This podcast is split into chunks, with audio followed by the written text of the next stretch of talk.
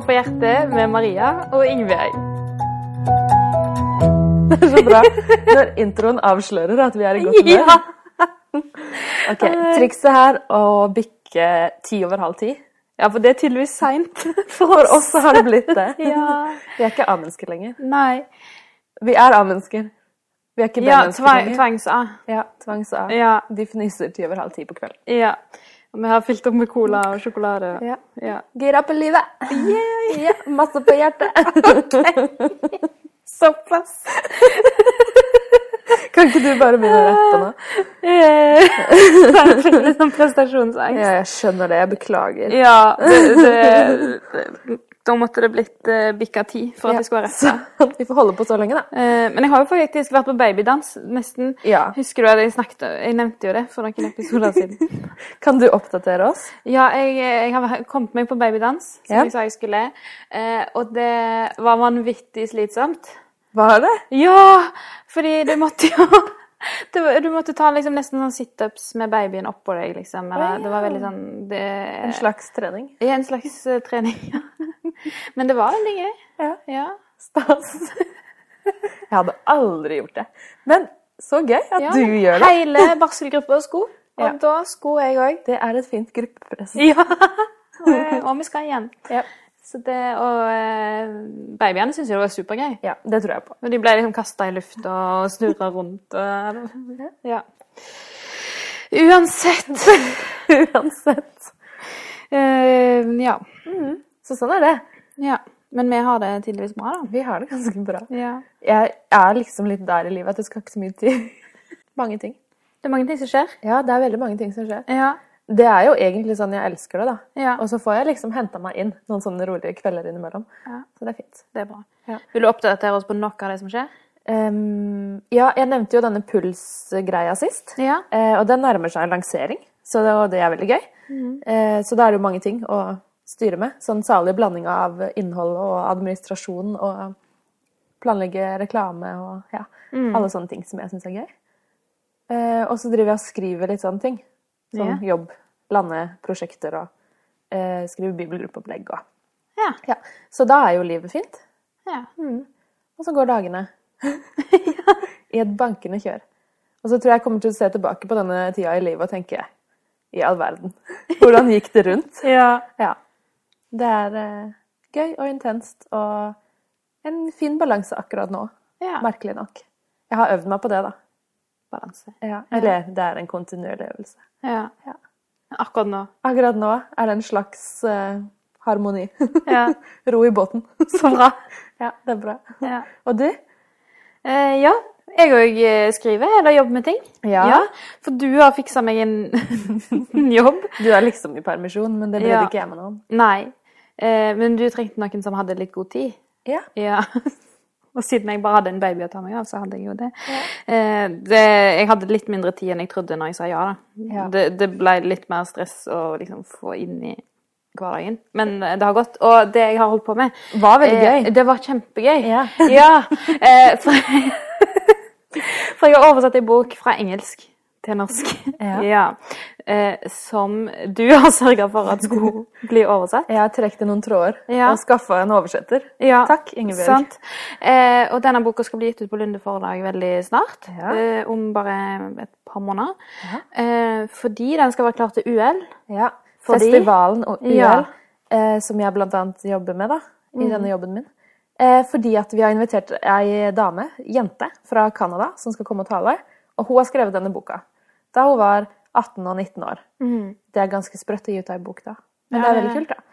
Den heter 'Totalt forandret'. Og handler om at eh, det å tro på Jesus påvirker hele livene våre. Ja. Også som tenåring. Ja, og, og det er liksom poenget hennes hele veien at eh, eh, du skal liksom ikke bruke det som en unnskyldning at du er tenåring. Ja. Eller, og at de voksne ikke skal bruke det som en unnskyldning. Og tenke at liksom, nei, men du kan ikke bidra, eller det kan vi ikke forvente noe av. Men liksom at nei, men eh, du har masse å bidra med når Ja. du er tenåring, og du kan ta ansvar, og du skal bruke de årene godt. Ja. Ja, Det er inspirerende. ja det er det. Jeg gleder meg til å treffe henne. Ja, det blir kult. Ja. For vi skal tale og ha seminar og sånn. Ja. Og så Lansere bok. lansere bok. På norsk. Ja. Stas. Stas. Så den må dere kjøpe, da. Alle sammen. Ja. Skal dere sitte og tenke på eh, hvordan jeg har oversatt det? Ja. Ja. Hvorfor valgte du dette ordet, Ja. ikke dette ordet? Er det vanskelig? Ja, av og til. Ja. Um, Iallfall når det var, det var noen ting som var veldig sånn der amri, Nei, kanadiske. Ja. Ja. Um, Sånn kultur, liksom? ja, kultur. Um, hun skriver om I starten så skriver hun om chicken nuggets, for eksempel. Ja. Og det er jo sånn Vi spiser jo det på McDonald's, sånn chicken McNugget. Ja. Uh, men det er liksom ikke en ting vi har et sånn veldig nært forhold til. Nei. For hun bruker det som en ting som liksom alle forholder seg til hele veien. Ehm, og så er det sånn OK, så må du sitte og tenke da, funker dette? Ja. Hva valgte jeg du? Bytta det ut? Bytta du det ut? Ja, jeg bytta det ut. Til? Ja, men det er litt sånn flaut, for nå tenker alle Tok du det? Kom igjen, stå for det! Ja, stå jeg for står for det. Eh, vi gikk for hamburger. Ja. Ja. Det eier vi alle sammen. ja, for det er liksom en sånn ting Ja. som alle spiser. Ja. Så, jeg, så jeg tror den skal funke. Men dere kan tenke på det når dere leser det i introen. Så kan dere tenke Hæ, her sto det egentlig chicken nuggets. Ja. Nå står det hamburger. Funker det? Kan dere sende meg en melding? ja, sant. Du kommer til å få innboksen full. Ja. uh, Ja, gøy. Nå er det ikke noe å gjøre med uansett. For nå Nei, er det Vedtatt. sendt av gårde. Ja. Mm. Stas. Gratulerer som oversetter. Jo, takk. Takk for muligheten. Bare hyggelig. Og geeken i meg har fryda seg. Ja, sant. Ja.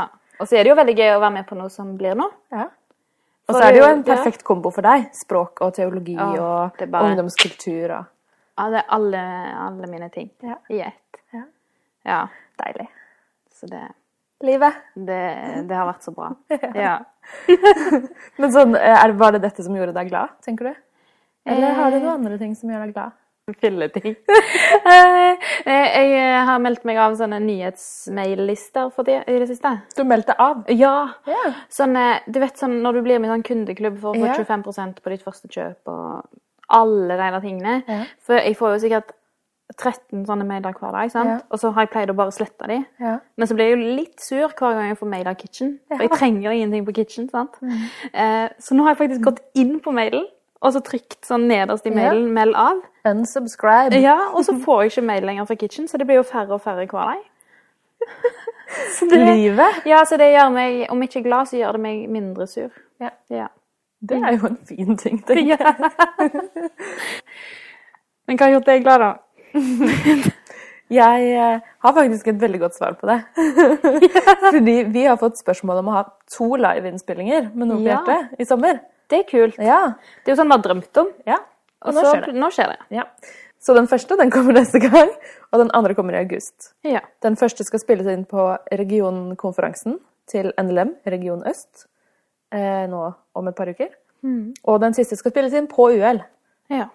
Så det er mange gode grunner til å komme til UL. ja. Så hvis dere er på en av disse tingene, Ja. så må dere komme og være med. komme og være med. Sitte og klappe og få lyden på neste bånd. Ja. Ja.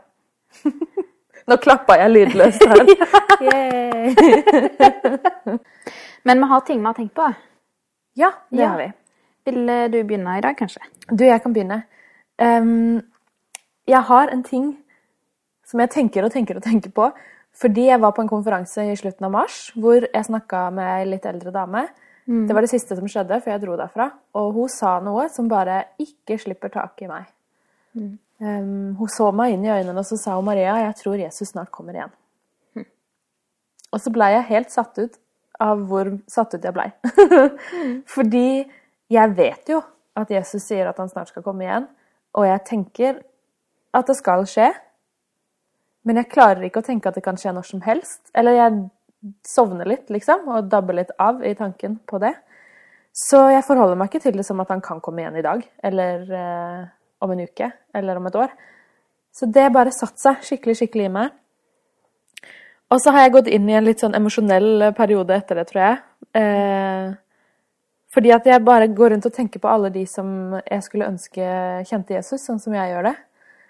Og ja, så mange jeg kjenner som ikke kjenner Jesus. Um, og at jeg tror faktisk det er helt avgjørende for hele evigheten. Og det Ja, det er en nød som Jesus har lagt i hjertet mitt.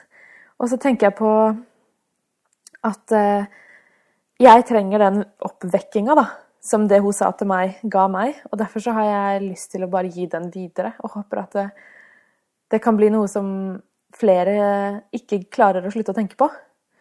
Og at eh, vekkelse, det må starte med at vi blir vekka først. Mm. Og at vi får ja, bli vekka av Gud, så vi forstår at vi må begynne å søke Han da, i enda større grad enn det vi gjør. Og så tenker jeg sånn på om hvis alle de kristne jeg kjenner, kunne blitt superdedikerte, hengivne bønnemennesker for de vi omgås, da, for stedet vi bor på, for familien vår, for vennene våre, da tror jeg store ting kan skje. Men så klarer vi kanskje fort ikke å bli sånne bønnemennesker. Men jeg tror så veldig mye begynner med den bønnen, og med det å leve nær Gud, og, og faktisk aktivt nevne folk ved navn for Gud, da. Mm. Og så tror jeg det gjør noe med hjertet vårt og med ønsket vårt om å, med ønsket vårt om å dele troa. At vi lever nær Gud på den måten. Og så står det i Bibelen at vi skal be ustoppelig eller uavlatelig eller kontinuerlig eller hele tida. Mm. og det Det er på en måte veldig lett å sovne fra.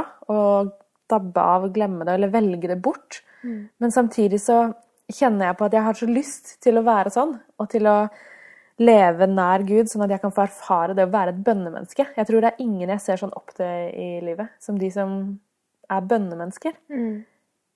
Og så har jeg så lyst til å gi meg sjøl rutiner og vaner og um, få lov å liksom erfare at det er noe som glir litt lett. Men så tror jeg det er en kamp for oss òg, da.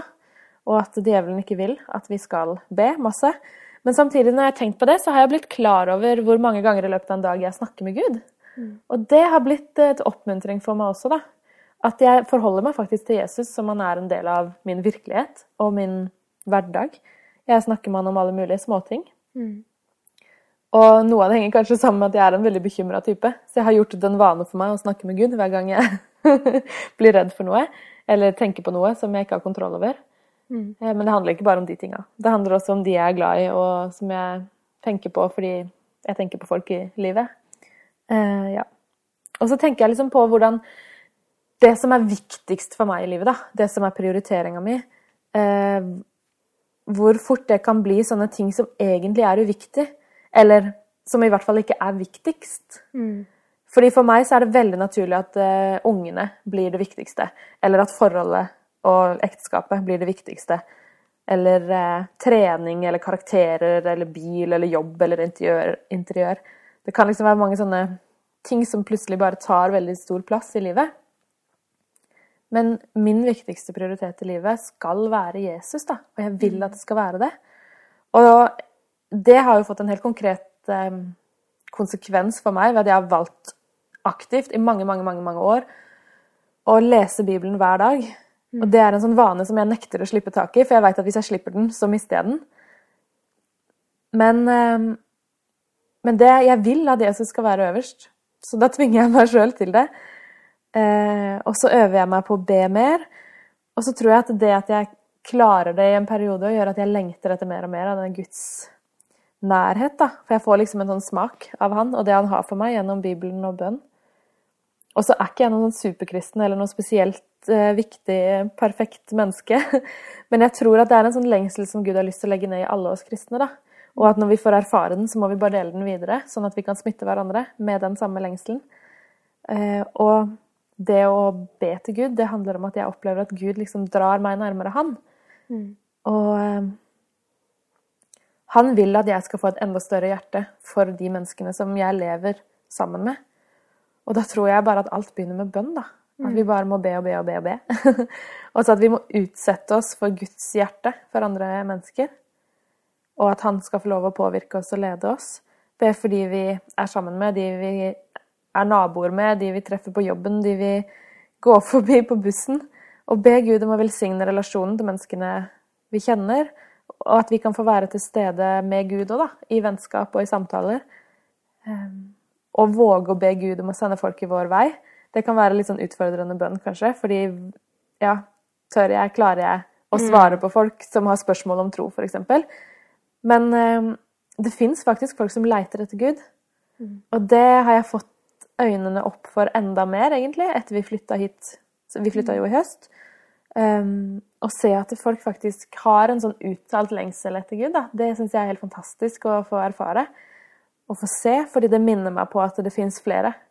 Og at Gud eh, har lyst til å bruke oss til å leite etter de menneskene. da, Til å få være med og peke på han.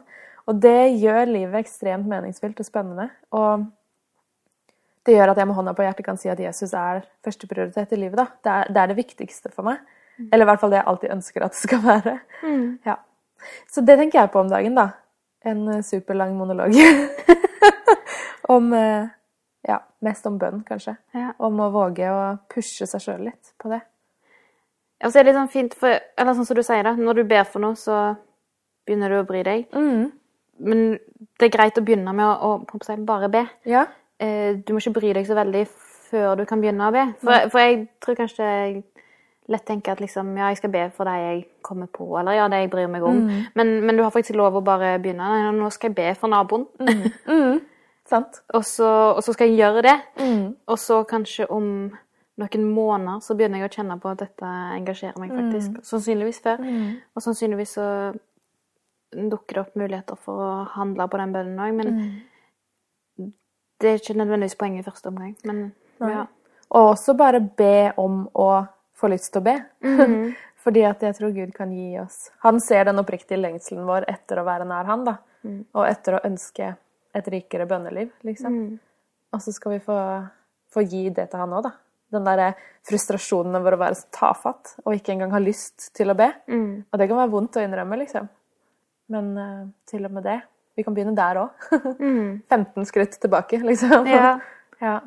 Og be han om å få lyst til å dele troa med andre. Og Og det er fortsatt bedre enn å på en måte bare gjøre ting som du egentlig ikke vil, men fordi du føler det er sånn det burde vært.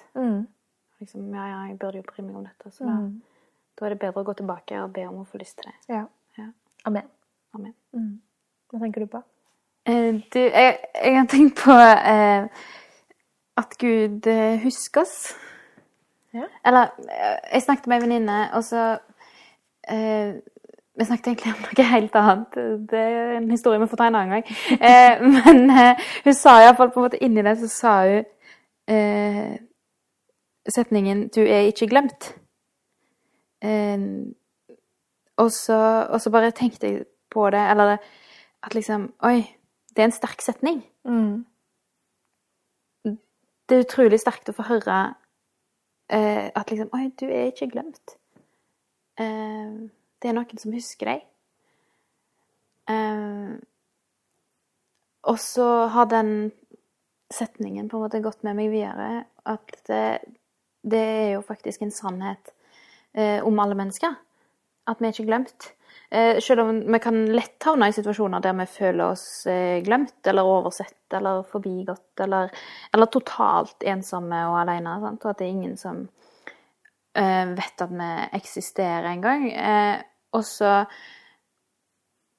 Men så er det faktisk ingen mennesker som er, som er glemt, fordi Gud husker oss, da. Eh, og da jeg snakket med venninna mi om det, så handla det mer om en litt sånn menneskelig sammenheng. Og det òg syns jeg er fint, når jeg kan merke at det er folk som husker meg. eh, Og følger med på meg og vet hva som skjer i livet mitt, og som bryr seg og sånne ting. Eh, Men sterkest av alt, og mest grunnleggende av alt, så er det jo det å vite at jeg er ikke glemt, punktum. Eh, Fordi det er en Gud der som alltid husker meg. Og det står jo masse om det i Bibelen, om at Gud husker folk. Men det er sånn jeg alltid har eh, syntes har vært litt sånn rart. Eller det som står i Bibelen, det står type sånn i salmen og sånn, og det er litt sånn poetisk språk, og, sånn, så, og så står det liksom om at Gud eh, husker sine. Sant? Eh, og så har jeg alltid bare vært litt sånn Ja, ja, men så fint at du husker meg. Eller liksom eh, Hva så? Eller det Jeg òg husker mange ting. det er ikke så spesielt. Eller det Jeg trenger mer da enn at Gud bare vet at jeg eksisterer. Eller det teller jo litt, men, men det er jo ikke det jeg egentlig lengter etter. Jeg lengter ikke etter at han bare skal vite at ja, Ingebjørg, hun fins, men eh, jeg vil at han skal være involvert. Eh, men der er det jo litt kult, da. Når det står i Bibelen at Gud husker, så mener de jo mer enn bare en sånn tanke. Eh, men det handler om at han faktisk husker meg på en sånn måte at han bryr seg og er aktiv i livet mitt og oppsøker meg og eh, vil ha en relasjon til meg. Sånn er det jo med mange ord i Bibelen. Når det står at Gud elsker oss òg, så er jo ikke det bare en sånn at han føler at han elsker oss, men det er liksom han elsker oss så høyt at han ga sin sønn. Sant? Eh, Gud eh, føler ting overfor oss og tenker overfor oss på en sånn måte at det fører til handling. Det er sånn han funker. Eh, så når han husker oss, så, så betyr det at han bryr seg. Og det betyr at han er der for meg. Eh, og det samme når han oppfordrer oss til å huske han, og huske hva han har gjort for oss.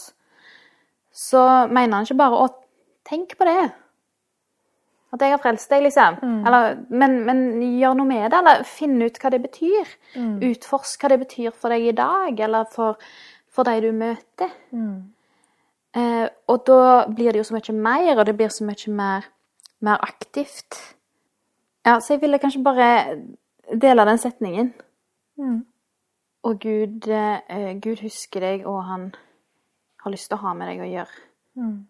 Eh, og han vet mye mer om deg enn bare at du har blitt født en gang, og du, hvor du bor, eller Og det, det kan være godt å vite. Jeg kom til å tenke på Jeg har jo ei datter på seks år. Og jeg observerer at hun får en personlig relasjon til Jesus for tida. Ja. Og det er en litt overveldende stor ting som jeg ikke har vært klar over at jeg skulle få se på den måten. Ja. Men hun hadde et fantastisk gullkorn her, fordi vi snakka om, om å, å kjenne Gud, eller å kjenne Jesus. Og da eh, så sa hun at eh, hun følte at hun kjente Jesus litt, men ikke skikkelig ennå. Og så Ja. syns jeg det var så utrolig fint sagt. Eh, og det tenkte jeg liksom på når du sa det med å bli huska, eller å ikke være glemt. At eh, vi kan eh, At det er litt sånn at vi har en smak av noe, liksom. Og så må vi minne oss på det, og så kan vi få bygge liksom stein for stein og få hvile mer og mer i det at vi er kjent av Gud. da. Eh, litt sånn som det hun setter ord på der, med at eh, det er akkurat som hun har skjønt at det ligger noe mer der. ikke sant? Ja. Fordi hun sier jeg, jeg kjenner han ikke helt ennå. Men hun har tenkt at du skal bli bedre kjent med Ja, han. ikke sant? Og at det er noe godt som hun vil inn i. da. Hæ. Men eh, nei, det har vært veldig fascinerende. Å få snakke med barn om tro generelt er jo Ja. veldig fint. Det er jo imponerende sjølinnsikt, da. Ja, det er kanskje det. Altså, eller Det er jo sant om meg òg. Ja. At jeg kjenner Jesus litt. Ja. Og mer enn jeg gjorde før. Mm. Men det er mye igjen ennå. ja. Ja. Mye å finne ut av. Mm. Ja. Spennende liv. ja. Apropos spennende liv. Ja. Du har møtt Hanne. Jeg har møtt Hanne, så her er det bare å lytte og bli inspirert.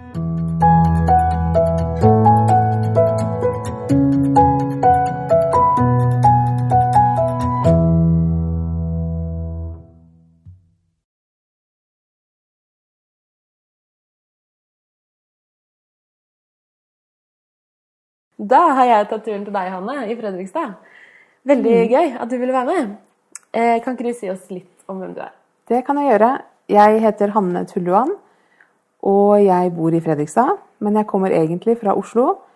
Og så er jeg lærer, og eh, nå jobber jeg eh, som rektor på Hans Nilsen Hauge videregående skole i Fredrikstad. Så bra. Vårt eh, faste åpningsspørsmål er hvorfor er du kristen? Det er et veldig vanskelig, eller ikke vanskelig, men overraskende vanskelig spørsmål å svare på. Eh, Og det er et spørsmål som har, det har forandra seg gjennom livet. Ifra da jeg var liten, så tenkte jeg at eh, jeg ville være kristen sånn at jeg kunne komme til himmelen. Eh, men gjennom livet så har jeg er- erfart det å være sammen med Jesus og leve sammen med Jesus, at han er trofast. Um, Og da handler det om mer enn bare det også at jeg vil til himmelen. Mm. Det handler om det livet som jeg lever med Jesus. Og så tror jeg òg at Jesus eh, har gitt meg troen. For noen ganger tenker jeg hvorfor er jeg kristen, og så finner jeg som ikke, det er ikke Jeg har ikke liksom fått beskjed fra Gud at du skal være kristen, men jeg tror likevel at han har lagt troen i hjertet mitt. Um, sånn at jeg tror på Jesus. Jeg tror at det er sant, det som står i Bibelen. Og det tror jeg det kommer fra Jesus. Du eh, har jo vokst opp som misjonærbarn i Indonesia. Jeg bare antar at det har vært med å forme deg. Det vil jeg tro, for det var eh, mange år i Indonesia. ja. Har du noen tanker om hvordan det har påvirka deg? Jeg tror at eh, jeg har blitt selvstendig av det. Fordi eh, jeg bodde på internatskole fra jeg var 13 år. Eh, Så da var jeg vant til å klare meg selv. Borte fra foreldre. Ja. Ja. Jeg har veldig gode, gode minner fra den tida. Eh, Jeg tror òg at det, det Jeg fikk se eh, Det å være avhengig av Jesus fikk jeg se i praksis. For det så jeg Sånn som jeg husker det, da, det er jo lenge sida, men sånn som jeg husker det, så var det mye mer tydelig at de, var, de kristne var avhengig av Jesus. Eh, at de var avhengig av å, å be mye. Det, det er sånne ting jeg husker, i hvert fall. Ehm, Kanskje utholdenhet. Det å kunne stå i ting Ja. lenge. For det var, selv om jeg sier jeg har jo veldig veldig gode minner fra den tida der, og jeg ville ikke ha valgt noe annet enn det, men det var jo selvfølgelig noen ting som ikke var så lett òg. Og det å kunne stå i det over lengre tid, jeg tror jeg lærte meg noe som jeg har hatt nytte av som voksen. Hvor gammel var du når du kom hjem? Eh, Det var 18. Ja. Så det er virkelig hele barndommen. Ja, fra jeg var tre. Fascinerende for sånne som meg, som har vokst opp i Norge hele livet. Det er mange som spør meg hvordan var det å vokse opp, som, vokse opp i Indonesia, eller hvordan var det å være misjonærbarn. Det, det var det det var. Altså, det, var det var livet. Det var sånn. Og, så det er vanskelig å si for meg at det var noe annet enn det å vokse opp i Norge. For det, ja, du vokste opp i Norge, jeg vokste opp der. Så har vi hver våre erfaringer. Ja. Mm, du reiste jo sjøl ut seinere som eh, kristent fagpersonell til et land i Asia. Mm, det stemmer. Ja. Hva var det som eh, gjorde at du hadde lyst til det? Det var ja, Det òg er overraskende vanskelig å forklare, men jeg, jeg hadde lyst. Jeg, det var flere år at jeg tenkte på at jeg ville reise ut. Faktisk så gikk jeg rundt og var litt redd for at eh, alle unådde folkegrupper skulle bli nådd før jeg rakk å få reist ut sjøl. Da hadde du engasjementet på plass. Ja, det var det. Og da jeg var på møter hvor det var snakk om, eh, om sånt, så kjente, det var en sånn følelse Jeg kjente veldig på at jeg hadde lyst til også å reise ut. Um, så kanskje vi kan kalle det et kall. At det, det var sånn jeg følte det. Ja. Uh, Jeg hadde ikke noe spesifikt sted jeg ville til, men bare at jeg skulle reise ut og, og tjene Gud i utlandet. Hvordan ble det det stedet, da? Uh, Jeg ble spurt om jeg kunne tenke meg å reise dit, og da tenkte jeg ja. Det kan jeg godt, for der var det også oppgaver som jeg kunne gå inn i, som jeg øh, ja, kan si at jeg var utrusta til sånne type oppgaver. altså Det var læreroppgaver. Og jeg er lærer, og da passa det veldig fint. Sant? Var det skummelt å reise? Ja, Det var det sikkert. Ja. Det har, jeg tror jeg har fortrengt det litt. Ja. Det, jeg husker eh, jeg ba veldig mye det året før jeg reiste ut, at hvis det her ikke er det du vil, Gud, så må du stoppe det. Ja. Så gjorde han ikke det. Så var jeg, jo, nå husker jeg at jeg var redd faktisk eh, før de ja, ukene, måneder før jeg reiste, så var jeg faktisk redd for at jeg ville komme på flyplassen og ikke fysisk klare å gå gjennom sikkerhetskontrollen, for det ville bli for vanskelig å reise fra familie. Ja. Men da dagen kom, husker jeg, så var det, det var helt greit. Ja. Mm, så fikk jeg styrke til det òg. Ja. Og da, når en først sitter på flyet, så som da, da er Norge glemt, og da ser en fram til det nye. Ja. Eh, og så Der òg har jeg veldig mange gode minner. Men det er jo klart det var vanskelig, men ikke mer enn det som en kan klare. da. ja. Men det blei seks år. Ja, Det er jo ganske lenge. ja men det føles ikke så lenge. Det, seks år går veldig fort. Ja. Hva lærte du av å være ute? Jeg lærte mye om eh, Gud, Og jeg lærte veldig mye om meg selv. Ja. Um, å bo i en annen kultur eh, Det er som å bli som et lite barn igjen. Er det det? For at det, du kan ingenting. Du kan ikke snakke med folk, du kan ikke språket. Det var, dette var ikke et land hvor folk kunne snakke engelsk. Um, du vet ikke hvordan du skal handle i butikken. Hvordan du skal spørre om eh, hvor hvor du skal gå.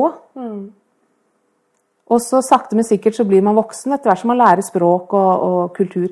Men det er jo klart, det, da lærer du mye om deg sjøl. Du lærer om reaksjonsmønstre. Mm. Fordi at det er lett å reagere på veldig kraftige måter som eh, ja, Det er ikke alltid like heldig. Mm.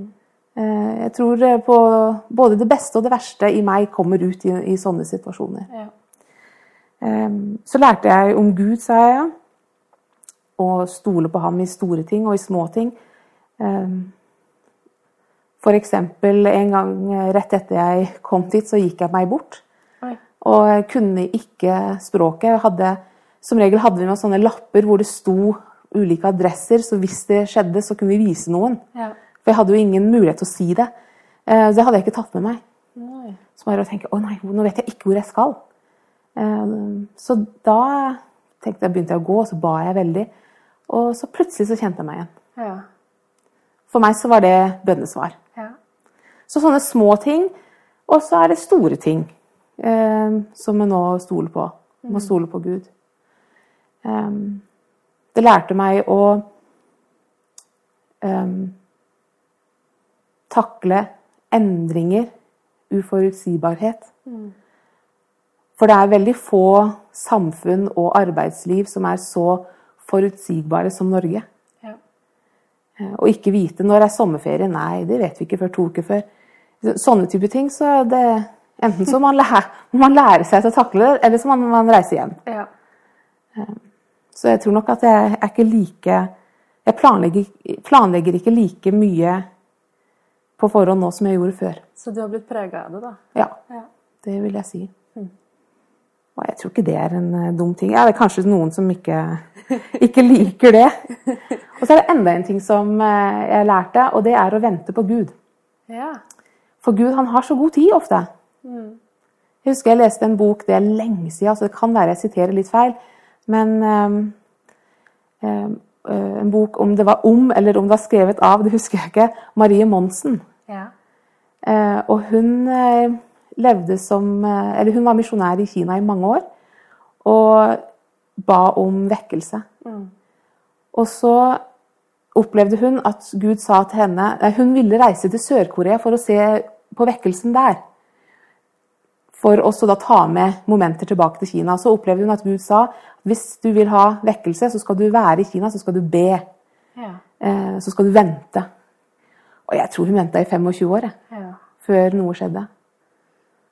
Det har fascinert meg så, den historien der. Og, eh, og så er det òg inspirasjon. Eller det, det, hjel, det hjelper meg å tenke at okay, Gud har god tid, jeg må vente på ham. Ja. For hadde det vært opp til meg, så ville det ha skjedd ja, nå helst. Med en gang. Jeg liker jo ikke å vente. Nei. Men uh, Gud har god tid. Ja. Så det har jeg lært mye av, også når jeg kom tilbake igjen til Norge. Og um, vært engasjert i ulike ting.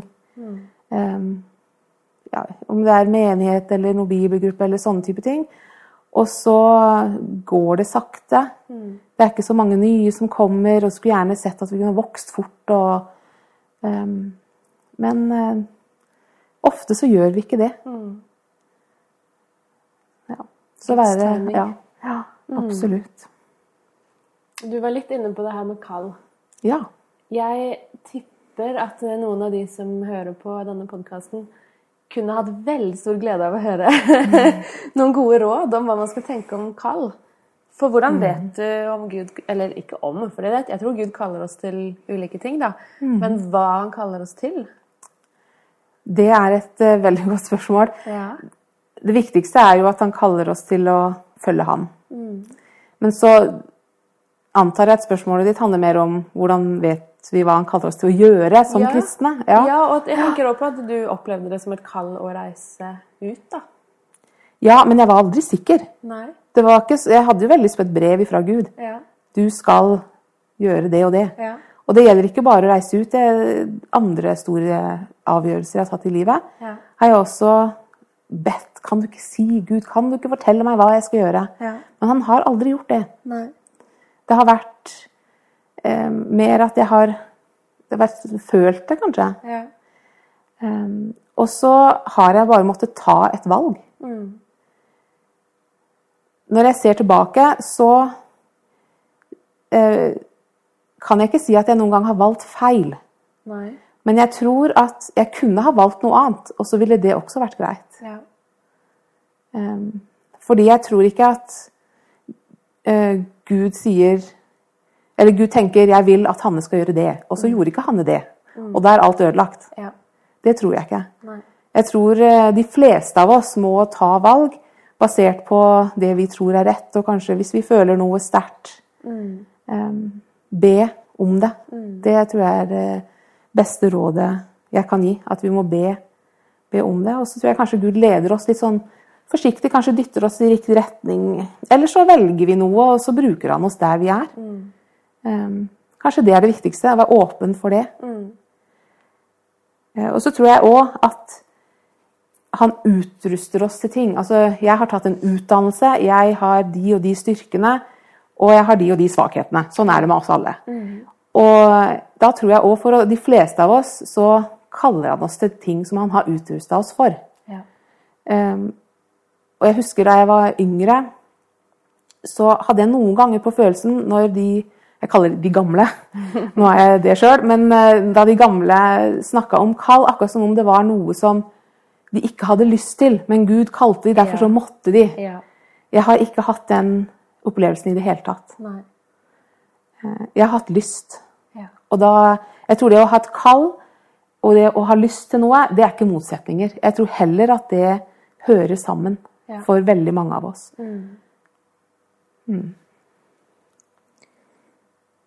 Nå er du i en helt annen setting. Ja, I lederjobb som rektor på en helt nyoppstarta skole. Den har jo gått noen år nå. Ja, nå er den fem år snart. Ja, sant? Så du begynner å få erfaringa der. Men hvordan var liksom veien inn i den jobben? Hvorfor sa du ja til den utfordringa?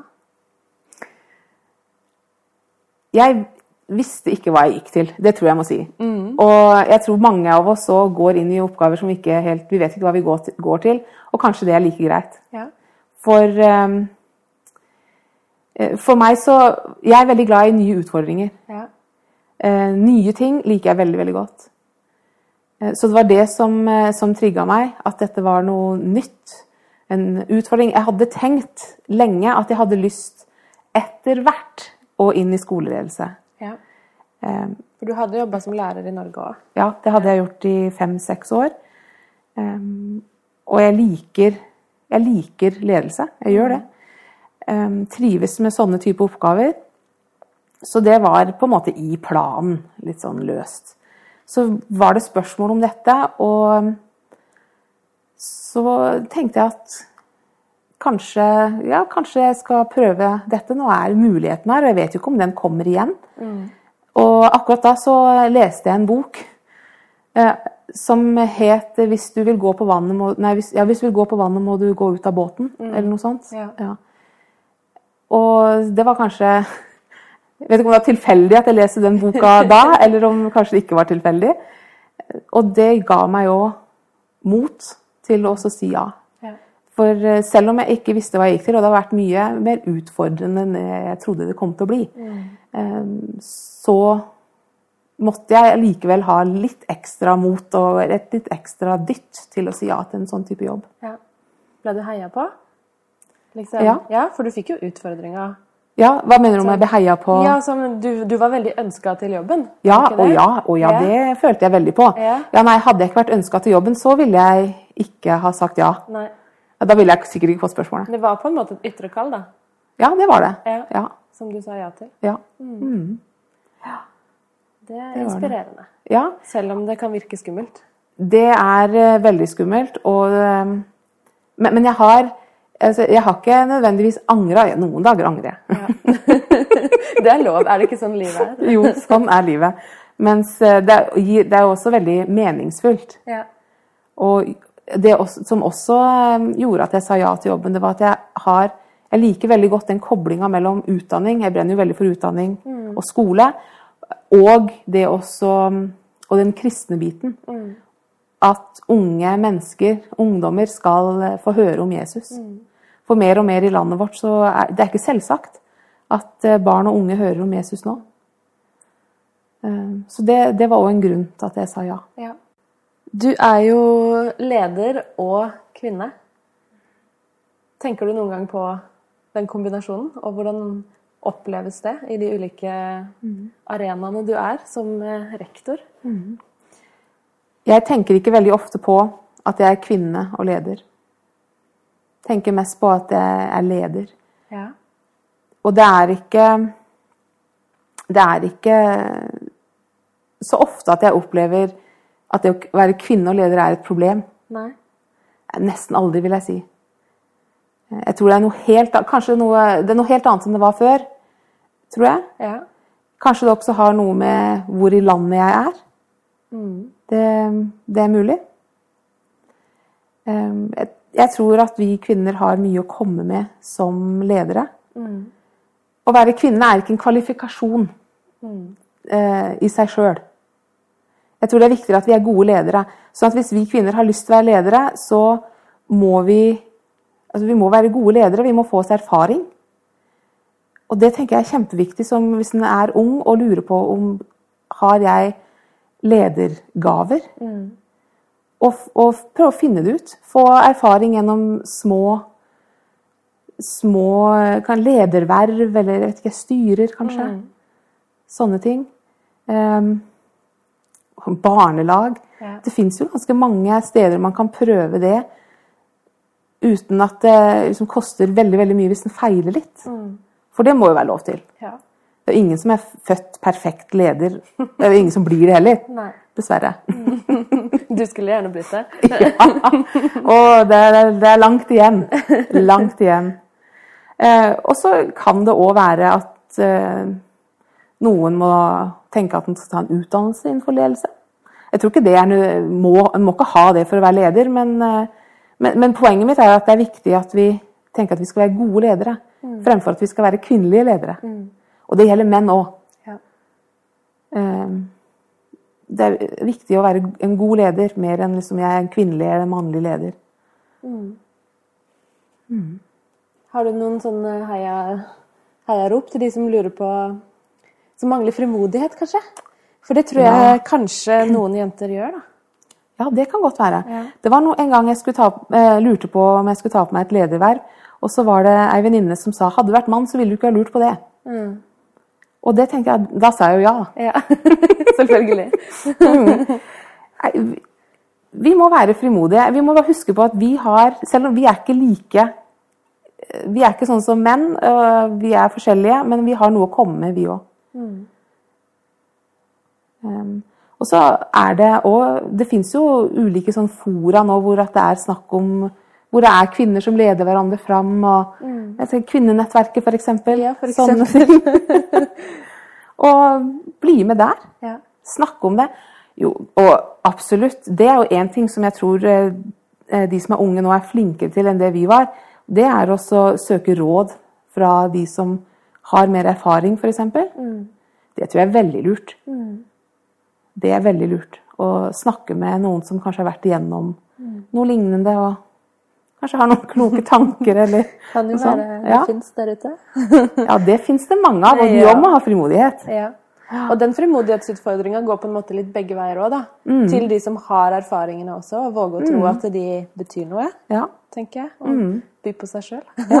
ja. Ja. Vi har jo et fast avslutningsspørsmål, og det er hva betyr Jesus for deg akkurat nå?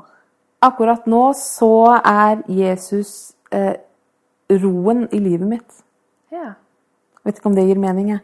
Men det, mai og juni er hektisk, en hektisk tid i eh, skole. ja. Det tror jeg alle lærere og alle som jobber i skole, kjenner til det.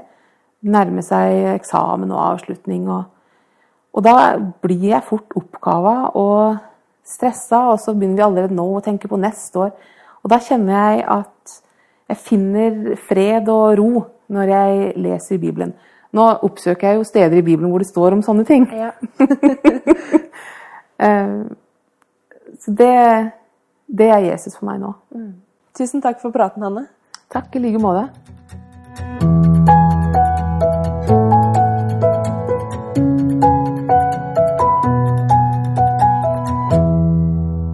Da er vi klare for tips. Ja.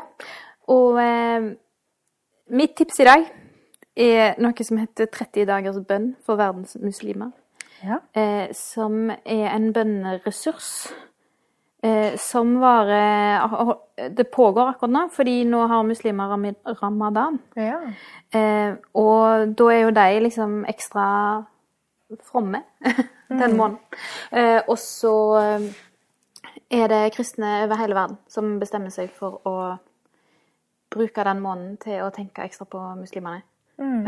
og både bli bedre kjent med dem og, og be for situasjonen deres rundt omkring i verden. Og be om at de skal bli kjent med Jesus. Eh, så det er liksom en ekstra innsats nå denne måneden. Eh, og eh, litt apropos det du delte i stad, egentlig, så noen ting, Det er ikke sikkert vi engasjerer oss så veldig for det, men når vi ber, så eh, blir det viktig for oss. Eh, og her med dette 30 dagers bønn for verdens muslimer, de har et hefte, en ressurs, som fins både på nett og i papirform, som du kan bruke der du leser om ei muslimsk folkegruppe hver dag, og så ber du for dem. Og da får du lære litt om dem, eh, og få se hvor fine de er, og så, og så ber du for dem. Mm. og vi bruker den nå hver dag og leser i den, og du lærer masse nytt. Og så eh, blir du litt ekstra engasjert. Ja. Eh, så du finner det hvis du googler 30 dagers bønn. Ja. Ja. Så finner du det. Rekker å hekte deg på. Mm. Ja. Ja, bare bli med fra, fra i dag. Mm. Så bra. Eh, mitt tips, det er ehm, Jeg, har snakka noen, noen ganger om at jeg syns det er så vanskelig å lese. Fordi jeg sovner så fort. Men nå har jeg funnet løsninga, da. Ja. Fordi jeg kjører masse bil. ja. Eh, det hørtes så sykt klimauvennlig ut. Kjøre bil Kan jeg si det liksom veldig vagt? Jeg reiser mye til jobb. Nei da. jeg kjører mye bil. Eh, og da hører jeg på Storytel. Ja. Ikke sponsa. Men der fant jeg ei bok eh, som jeg blei tipsa om, da. Fordi tips vandrer jo. Så Ja. nå tipser jeg videre. Som heter Loveology. Som i kjærlighet og teologi, liksom. Loveology. Eh, veldig interessant eh, bok, egentlig. Den er noen få år gammel. Eh, skrevet av en som heter John Mark Comer. Og eh, har gitt meg inspirerende gode tanker om hva ekteskap er tenkt å være, og hvordan snakke sunt og godt om kjærlighet i vår kultur, egentlig. Ja, en amerikansk pastor, da, som Ja. det ofte er. Sånne bøker. Så du må kanskje på en måte av og til tenke litt på hvordan det ville sett ut i norsk sammenheng. Ja, men det var overraskende mye som bare var rett uh, overførbart. Ja. Og så var det en spennende sånn Q&A-kapittel til slutt, hvor de svarer, han og noen flere, svarer på konkrete spørsmål. Kult. Så det er spennende. Så den anbefales på Storytel, eller lese den, da. Ja. Det går jo an å gjøre begge deler. Ja. Ja. Ja. Og så har han et tips. Mitt tips er en bok som jeg kjøpte på generalforsamlinga i fjor. Det er ikke en ny bok, det er en uh, ganske gammel bok, egentlig. Uh, som er skrevet av Fredrik Wisløff, 'Min bønnebok'. Og det er en samling av bønner som han uh, skrev for lenge siden. Det er én aftenbønn, og så er det én morgenbønn. Det som jeg syns er så fint med den boka, er at det er ikke hver dag jeg syns det er like lett å be. Og da hjelper det sånn at det er noen andre som har bedt før meg. Som, og da kan jeg bruke de bønnene. Så det er ikke hver dag jeg denne, eh, leser denne boka, men når jeg gjør det, så får jeg alltid Jeg syns jeg får stor velsignelse av å lese boka. Så ja, det er mitt tips. For når en syns det er vanskelig å, å be selv. Da er vi i mål, Maria. Ja, det er det. Ja. Nå må vi snart legge oss, tror. Men nå er klokka bikka ti, så nå venter jeg på at du skal ta av. Ja, det er sant. Men da tror jeg vi må slutte å ta av først. Nei. Velkommen på livesending, sier jeg Ja, da blir det krutt. Eh, Men det er neste ting som skjer. Ja. så 31. mai er vi på Fangekassa i Skogen i Østfold. Ja. Eh, Så kom dit. Eller så kommer episoden bare noen dager etterpå. Ja, en uke, tror jeg. Ja. Ja. Og da er det Aina Granberg mm. som er gjest. Det gleder vi oss til. ja. Det gjør vi. Ok. Ja. Da tror jeg vi er ferdige, Ingebjørg. ja. Skal vi ta oss en sjokoladebit og så sette deg i en bil? Nå. Avslutning, take sju. Ja. Ferdig. Ha det. Ha det.